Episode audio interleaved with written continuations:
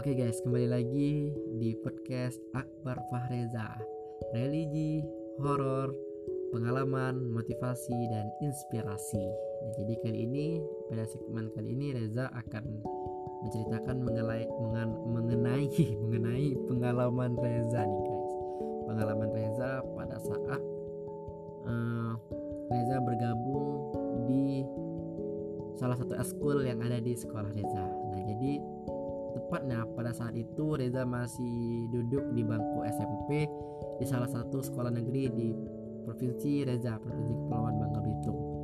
Nah, mungkin kalau kita mengenal kata Bangka Belitung, pasti hmm, di pikiran di pikiran teman-teman sekalian, provinsi ini masih kental dengan adat dan dukun-dukunnya gitu loh, teman-teman, yang horor itu loh.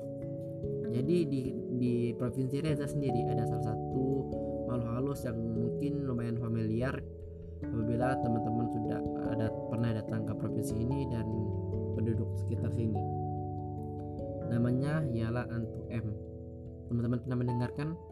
Nah, jadi konon katanya kita dilarang untuk menyebutkan nama panjangnya. Cukup dengan menyebutkan inisialnya saja, guys. Dan katanya kata masyarakat sekitar yang sudah pernah bertemu ataupun melihat secara jelas si makhluk gaib ini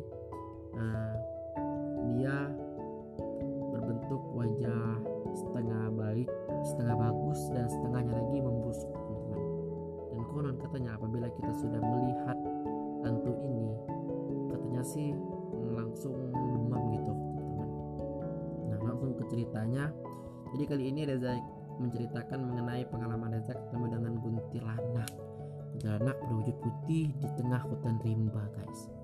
Langsung ke intinya saja. Pada saat itu Reza masih duduk di kelas 11 dan bukan oh, bukan kelas 11 sih kelas 2 SMP nah, pada saat itu Reza memutuskan diri untuk bergabung di eskul pecinta alam. Dan Reza pun bergabung di eskul pecinta alam itu mengikuti teman Reza yaitu namanya Denny. Si Denny ini mungkin uh, dia sudah terbiasa dengan alam karena dia sebelumnya sudah aktif banget banget aktif di pramuka. Nah, jadi uh, ada adat eskol sana eskol pencinta alam di SMP Reza itu kalau mau bergabung kita itu harus harus berani untuk survival atau survival atau apa gimana karena Reza baru sekali ini mengikuti yang namanya kegiatan survival teman-teman katanya sih survival ini ialah hmm, kegiatan yang yang menguji kita untuk bisa bertahan hidup di di di tempat sepi di tengah hutan ataupun di tempat yang jauh dari keramaian. Nah jadi tibalah Reza daftar di organisasi tersebut so uh, Reza langsung mengikuti survival dari organisasi itu.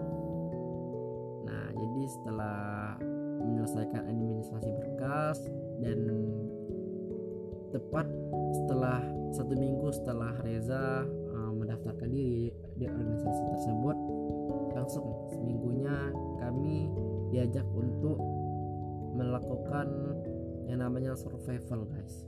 Jadi survival ini ya gitulah. Karena Reza belum pernah gitu loh baru pertama kali mencoba. Nah, jadi pengalamannya itu dimulai pada saat ini guys.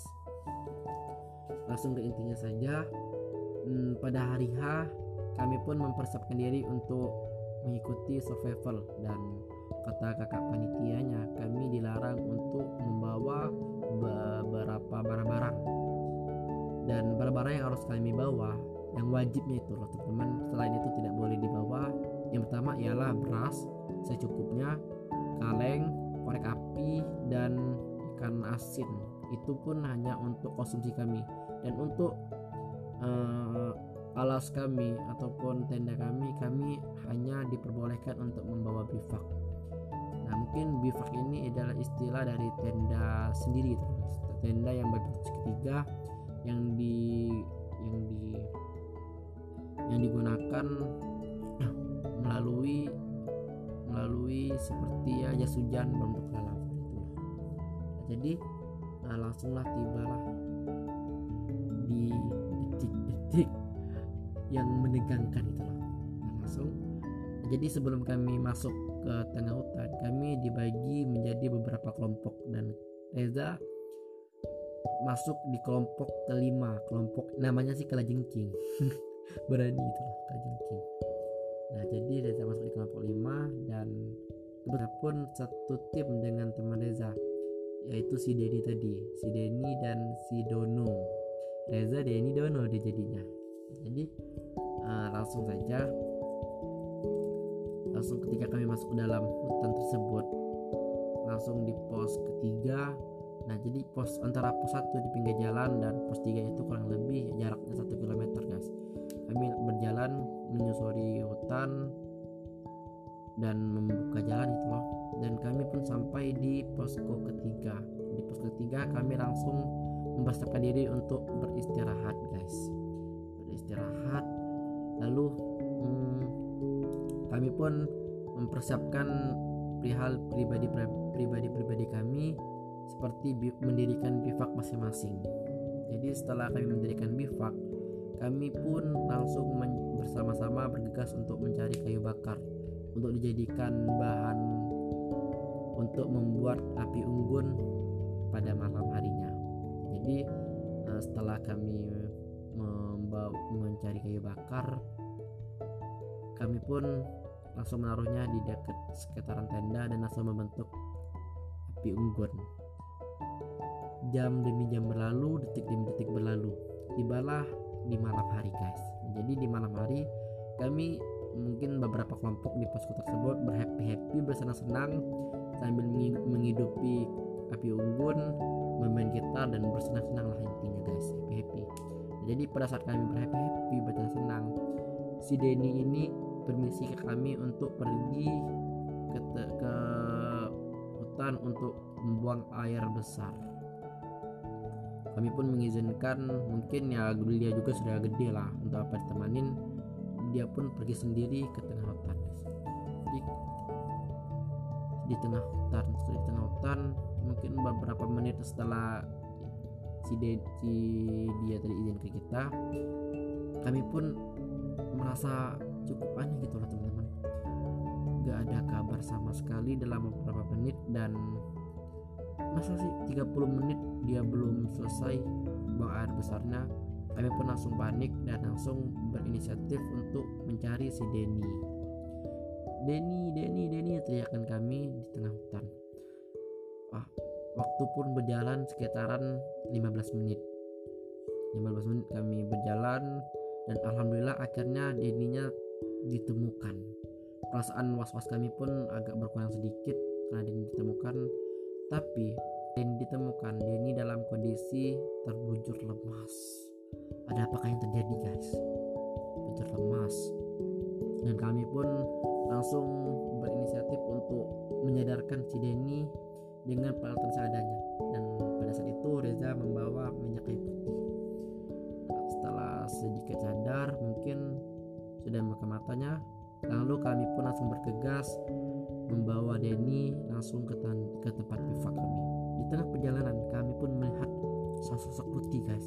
Sosok putih inilah yang ya serem banget. Yaitu sosoknya itu putih tinggi rambutnya sampai pinggang gitu loh. Tapi dia ngadap ke sana guys ngadap ke arah berlawanan dari kami. Dan dia berada di bawah pohon beringin yang gak jauh dari posisi was dan tanpa basa-basi kami langsung bergegas lari sambil membawa Denny pergi ke tenda bivak kami tadi. Setelah sampai di bivak, kami pun tidak memikirkan hal yang kami yang kami yang kami rasakan tadi, tapi kami langsung bergegas untuk membangunkan Denny dengan peralatan seadanya. Kami langsung membangunkan Denny dengan air putih, dengan alat seadanya, dan alhamdulillah Denny pun sadar dan pulih. Tapi belum 100% fit sih. Kira-kira kalau dipersenkan ya 60% lah badannya fit. Dan Denny pun menceritakan mengenai hal-hal yang terjadi pada dia katanya sih pada saat dia BAB dia itu nggak tahu sih tempatnya tuh di mana tiba-tiba dia langsung langsung tiba-tiba langsung down pingsan sudah mungkin cukup itu yang dia dia ingat. Dah tapi dia juga ingat kalau setelah dia itu setengah sadar setengah enggak sih si Denny itu katanya dia di diculik oleh sosok putih. Dan kami pun langsung berpikir bahwa sosok putih yang kami lihat tadi ialah sosok putih yang diceritakan oleh Denny. Dan ternyata benar sosok putih itu ialah sosok yang telah menculik Denny. Nah Denny pun langsung lemas setelah melihat sosok tersebut. Nah mungkin hal tersebut yang membuat Denny langsung pingsan. Hmm, serem banget guys. Mungkin kalau kalau kita lihat wajahnya langsung demam kali ya besok hari besok paginya. Untung saja ya dia nggak ada ke sana.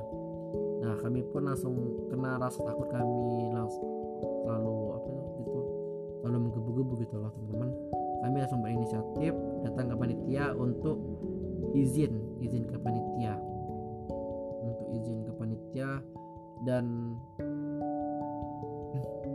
dan berencana untuk menyelesaikan survival ini. Walaupun cuman baru di tengah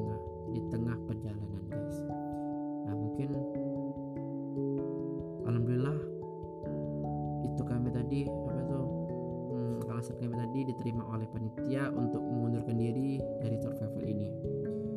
Dan kami pun disuruh istirahat di tempat di tenda panitia di posko pertama guys.